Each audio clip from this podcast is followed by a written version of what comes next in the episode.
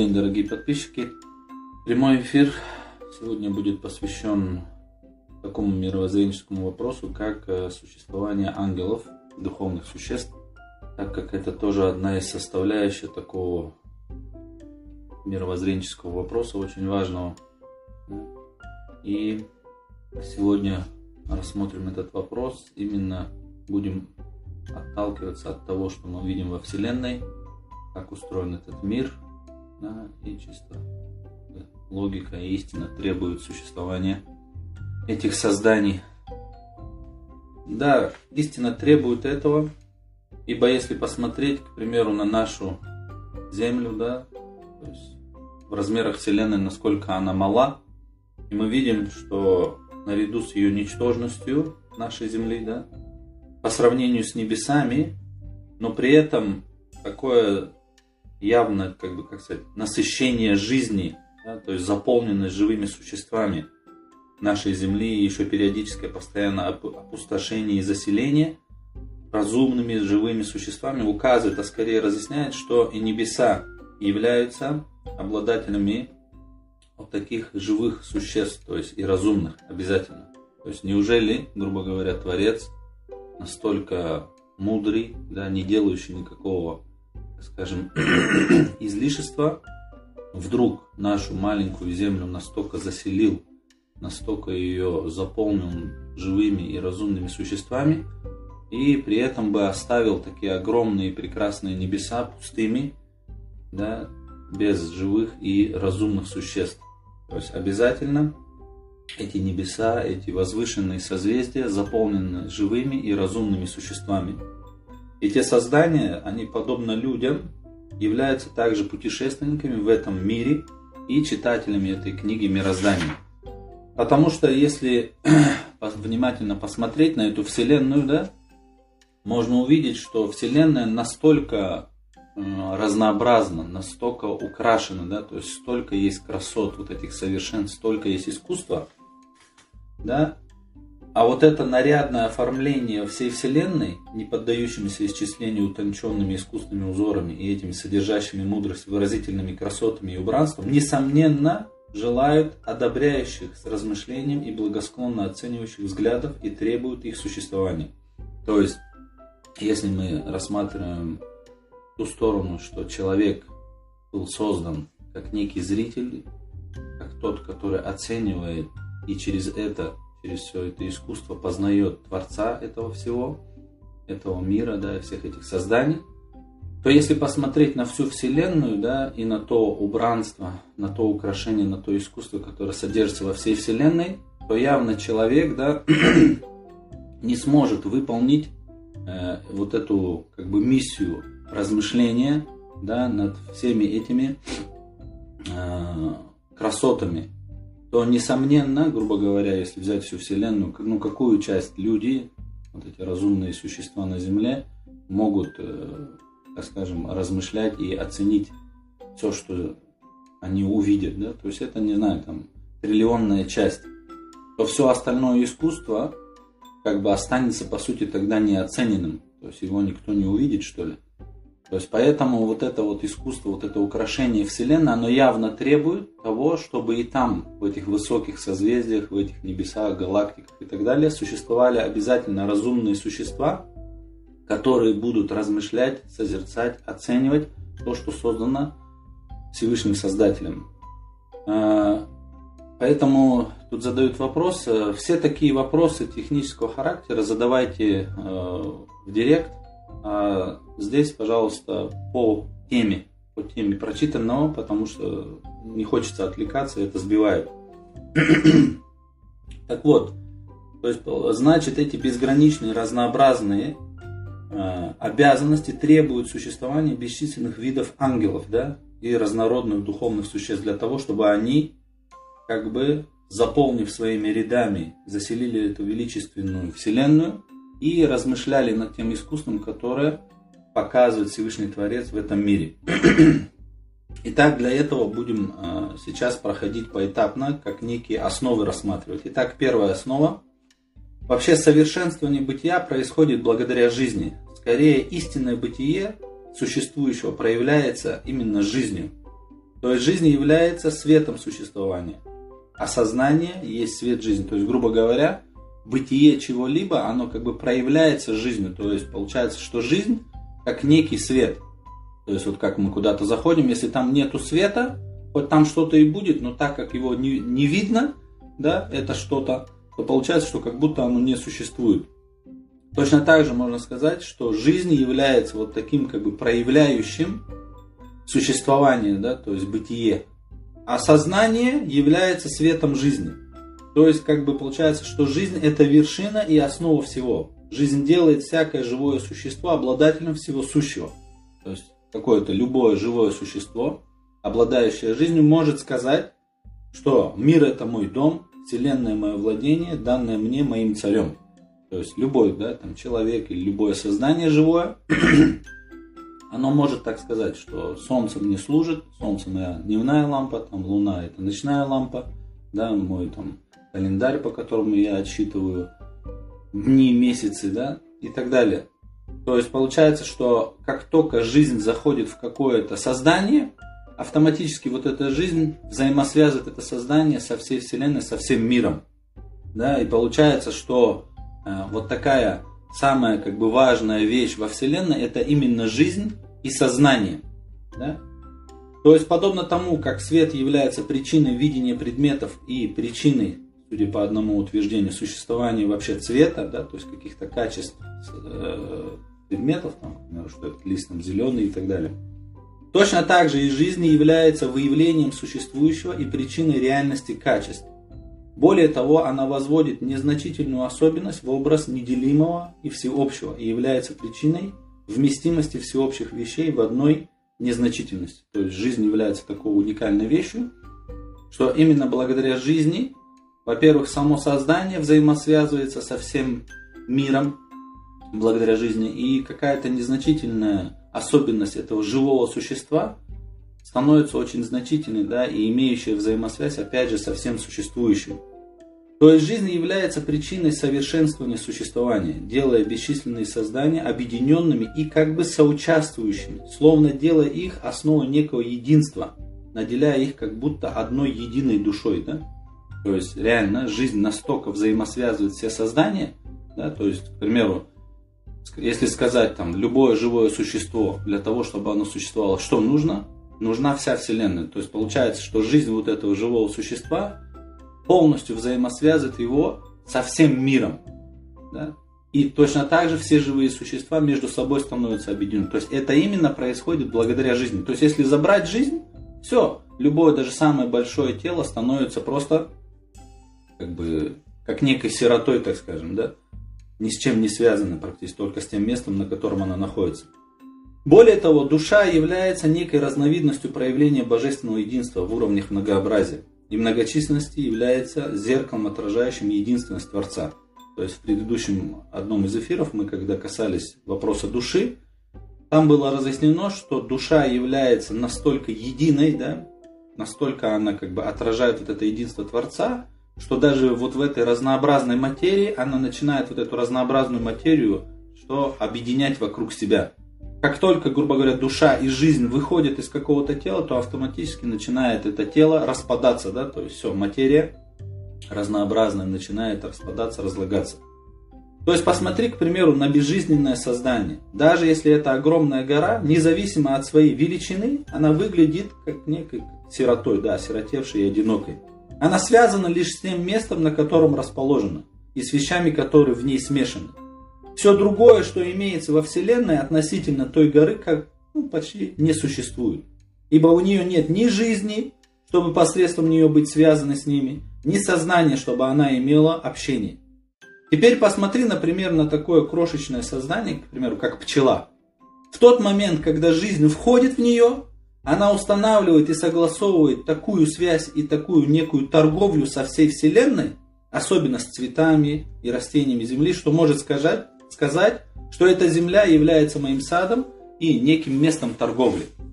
Таким образом, помимо внешних и внутренних ощущений, эта пчела одновременно с заложенными в ней направляющими и побуждающими чувствами становится обладателем неких обязанностей, способностей управления. Да, способности управления, общения и взаимообмена с большинством видов мирских созданий.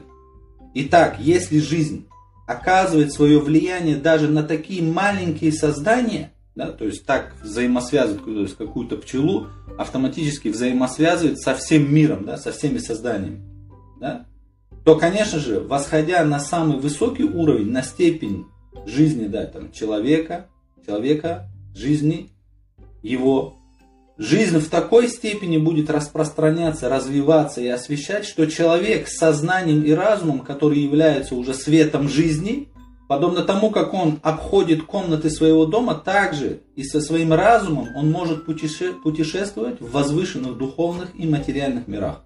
То есть, подобно тому, как те сознательные и живые существа духовно посещают те миры, точно так же и те миры с отображением и уподоблением становятся гостями как бы в зеркале души этих существ.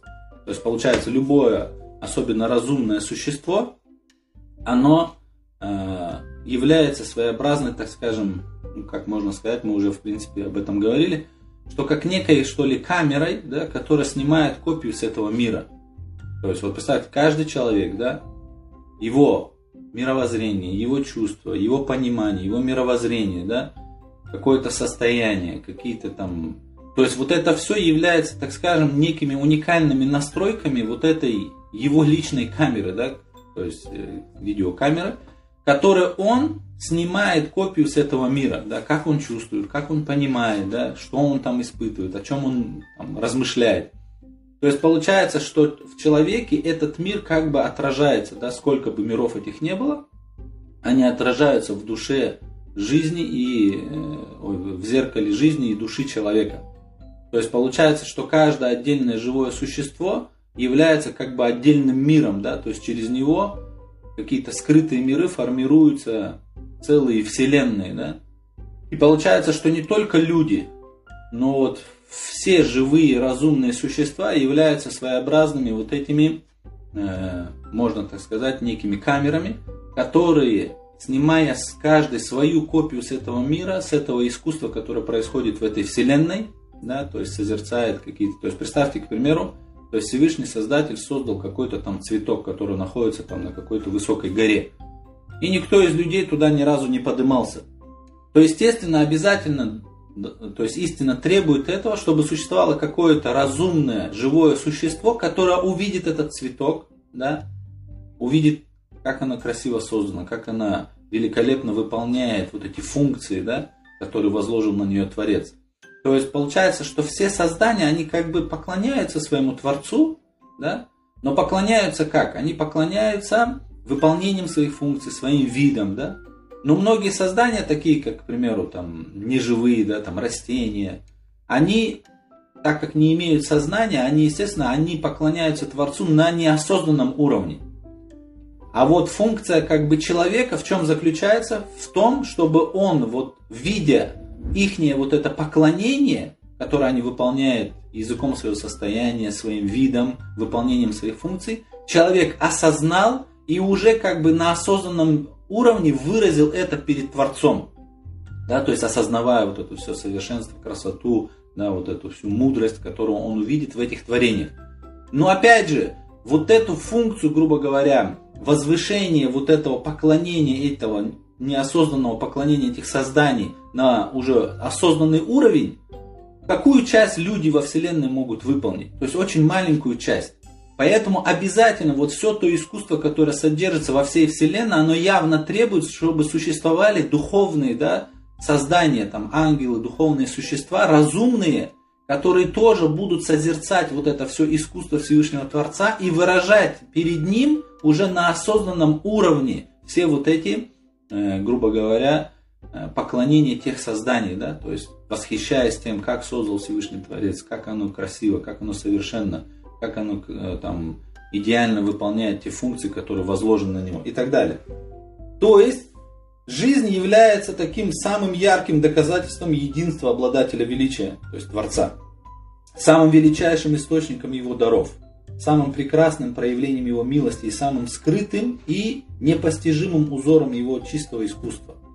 Да, жизнь настолько таинственна и тонка, ибо даже жизнь растений являющийся самой простейшей из различных видов жизни, а также зарождение жизни вот в семени, которое является самой первой степенью в жизни растений. Их раскрытие и прорастание остается непостижимым для человеческой науки со времен первого человека Адама. Да? Несмотря на то, что все это находится среди привычности, находится в такой очевидности, многочисленности, изобилии. Да? То есть все это нас окружает. Да? Но до сегодняшнего дня человеческий разум, сколько бы ни размышляли, они так и не смогли понять, с чего вдруг, грубо говоря, там, да, клетка да, там, в утробе матери вдруг начинает делиться, начинает расти. Или какая-то там почка, да, или какая-то семя, какое-то семечко начинает вдруг там развиваться, прорастать и так далее. То есть до сегодняшнего момента никто не смог из ученых назвать причину, да, почему начинается вот это движение. То есть это все указание на то, что Всевышний Творец вот, э, к жизни, по сути, не поставил никаких занавесок. То есть э, мы не можем вот этот процесс жизни, да, начало жизни приписать какой-то причине. Потому что это напрямую относится к Творцу. То есть человеческий разум не был способен достоверно раскрыть эту истину. Более того, жизнь так чиста и безупречна, что в обоих ее аспектах, как во внутреннем, так и во внешнем, она является чистой и прозрачной. И поэтому рука могущества здесь действует непосредственно, не создавая завесы причин. Да? То есть именно в жизнь настолько чиста, настолько идеальная, грубо говоря, настолько она прекрасна со всех сторон, и с внутренней, и с наружней, грубо говоря, что Всевышний Создатель не поставил никаких занавесок, да, то есть непосредственно сам э, воздействует на жизнь.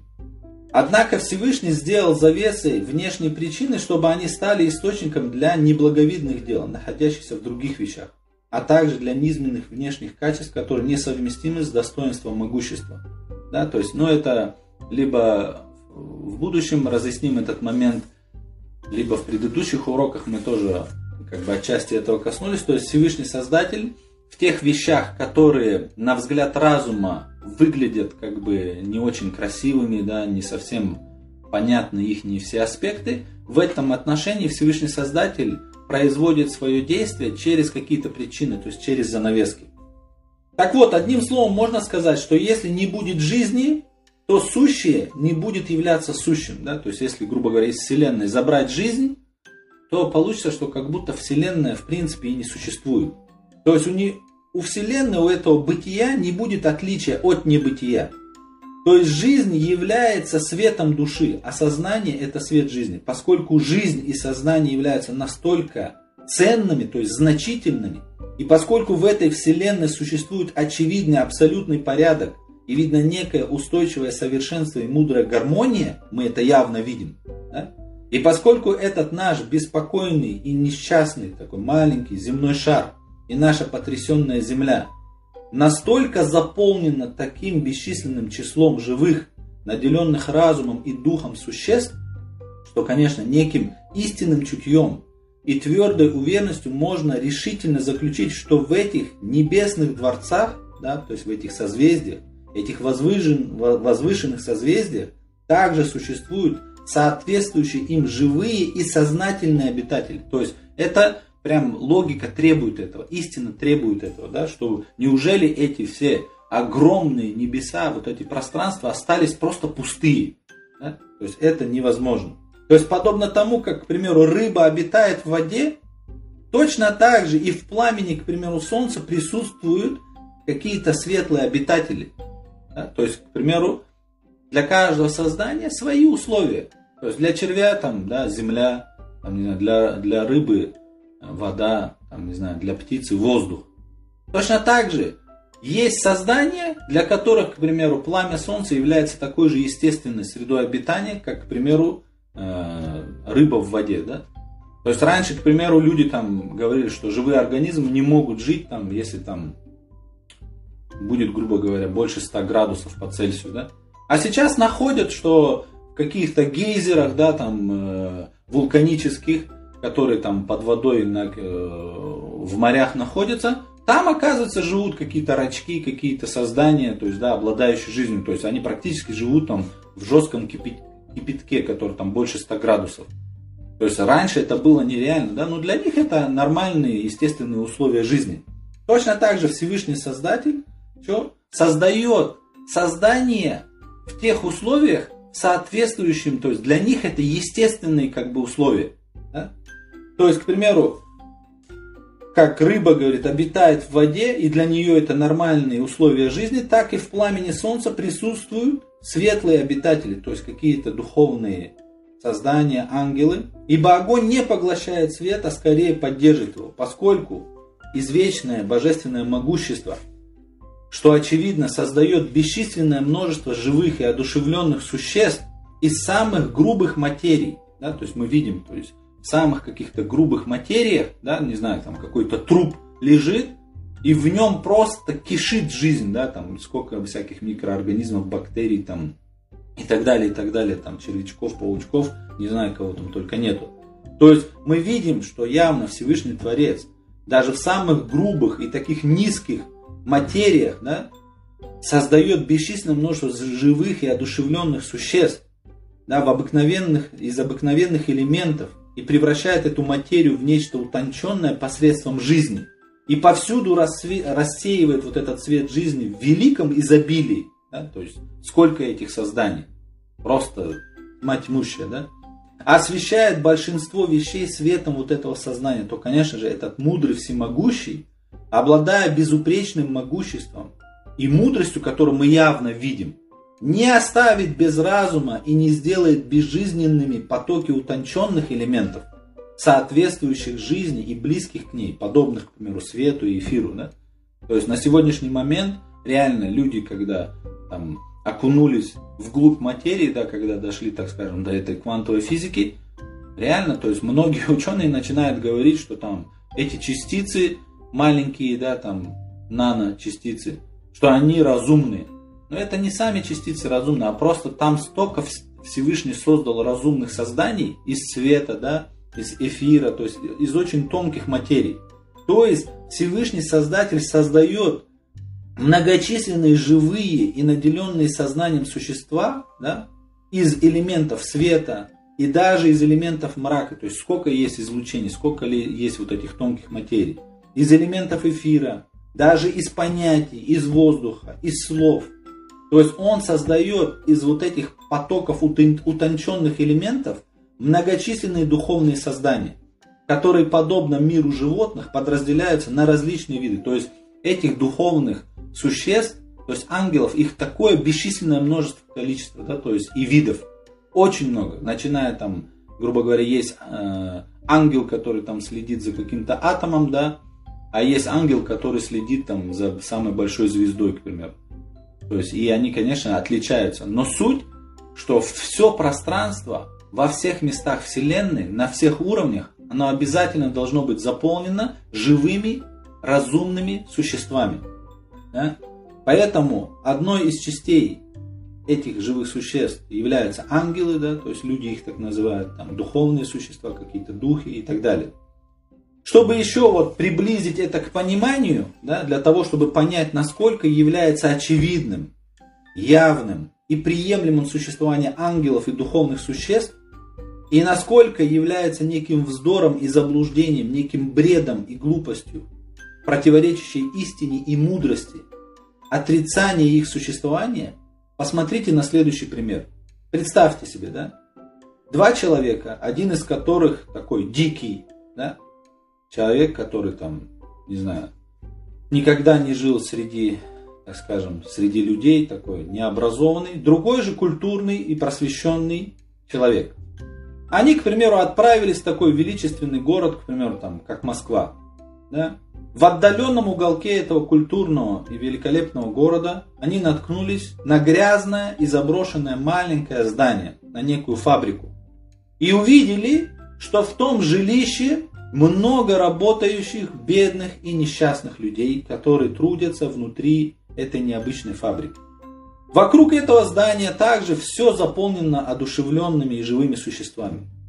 Однако из-за условий жизни у них есть такие средства существования, что некоторые из них питаются только растениями и являются травоядными. Другая же часть этих существ питается только рыбой. Да? То есть Они увидели, что в каждой части на каком-то уровне есть живые, одушевленные, разумные существа, и каждый из них, грубо говоря, имеет свои условия жизни. Такую ситуацию они наблюдали да, в этом жилище, эти два путника. Затем они заметили, что вдалеке видны тысячи огромных, украшенных дворцов, очень величественных замков.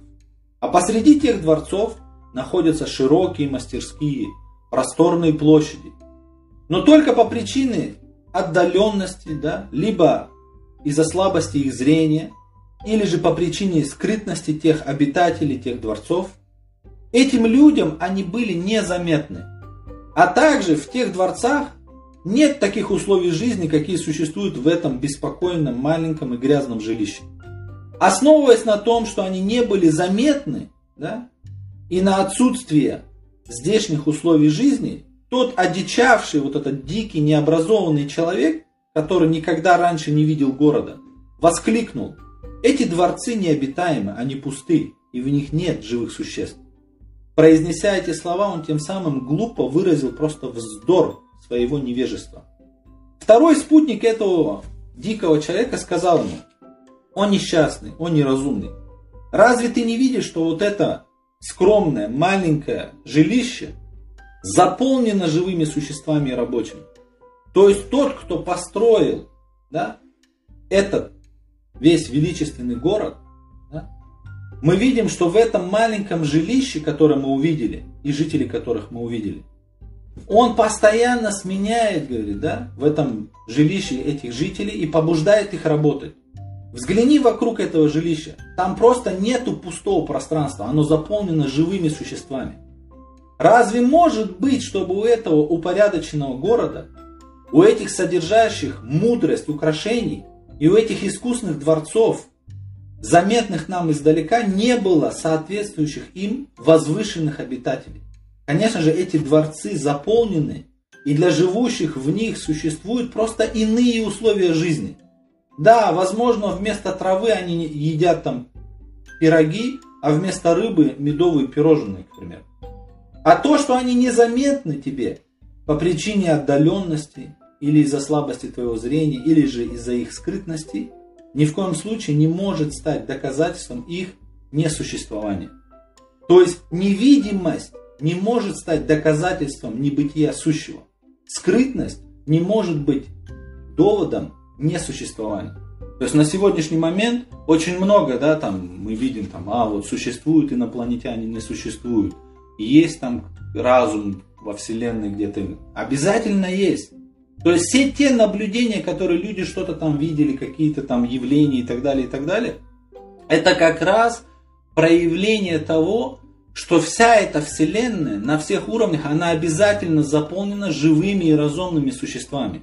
Просто на языке, грубо говоря, людей их называют там ангелами, духовными существами и так далее. И это всегда было во все времена. То есть эта истина, она же испокон, испокон веков идет, да, то, что существует ангел, существуют духовные существа. И сама истина, и сама мудрость, которую мы явно видим во Вселенной, она требует, неужели, то есть вот эта земля, настолько заполнено, да, вот сейчас я не знаю, ткну сюда, в этот стол, в, здесь столько жизни, здесь столько живых существ, каких-то, не знаю, там, рачков, паучков, не знаю, там, каких-то клещей, там, и так далее, и так далее. То есть бактерий каких-нибудь и так далее. То есть э, на сегодняшний момент люди открывают, открывают и открывают эти виды и никак не могут их открыть. Да? То есть их столько, что невозможно счесть просто даже, назвать. Да? то неужели эти огромные небеса, вот эти возвышенные созвездия, остались просто пустые, незаполненные, никчемные?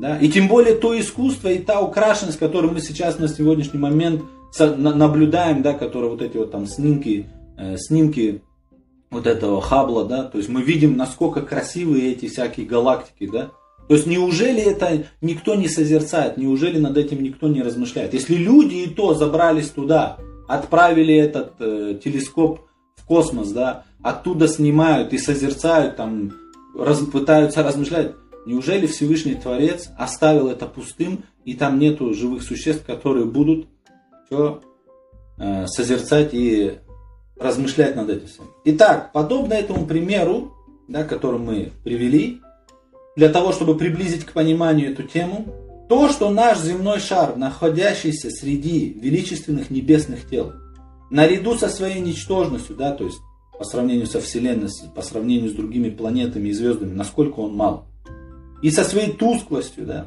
является родиной бесчисленного числа существ, наделенных сознанием, духом, жизнью.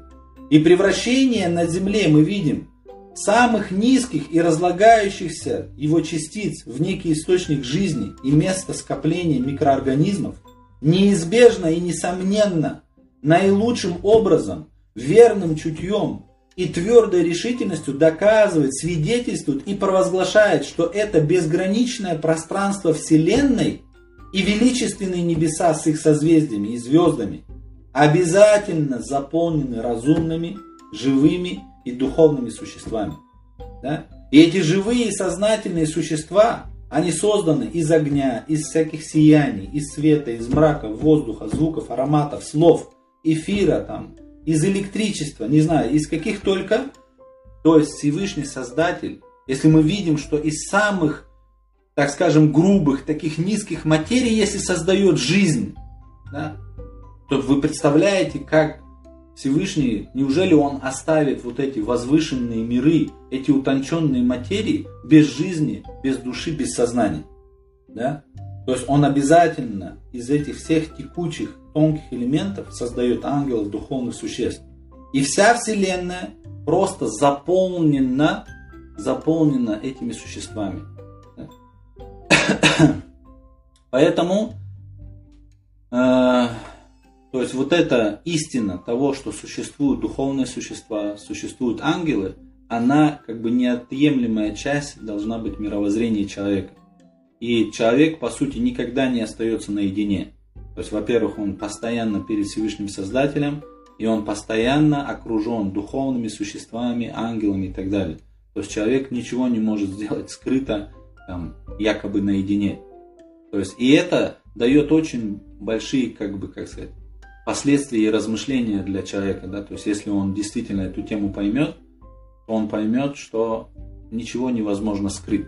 Да? То есть Всевышний Создатель через ангелов, через всех созданий, то есть он все фиксирует, все, что делает человек. И человек никогда не остается наедине.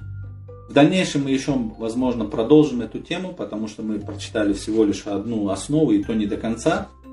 Если есть сейчас вопросы по теме, задавайте. Если сейчас не сформулировали, то можно задавать в директ. Также можете предлагать другие темы для прямых эфиров. Будем проводить.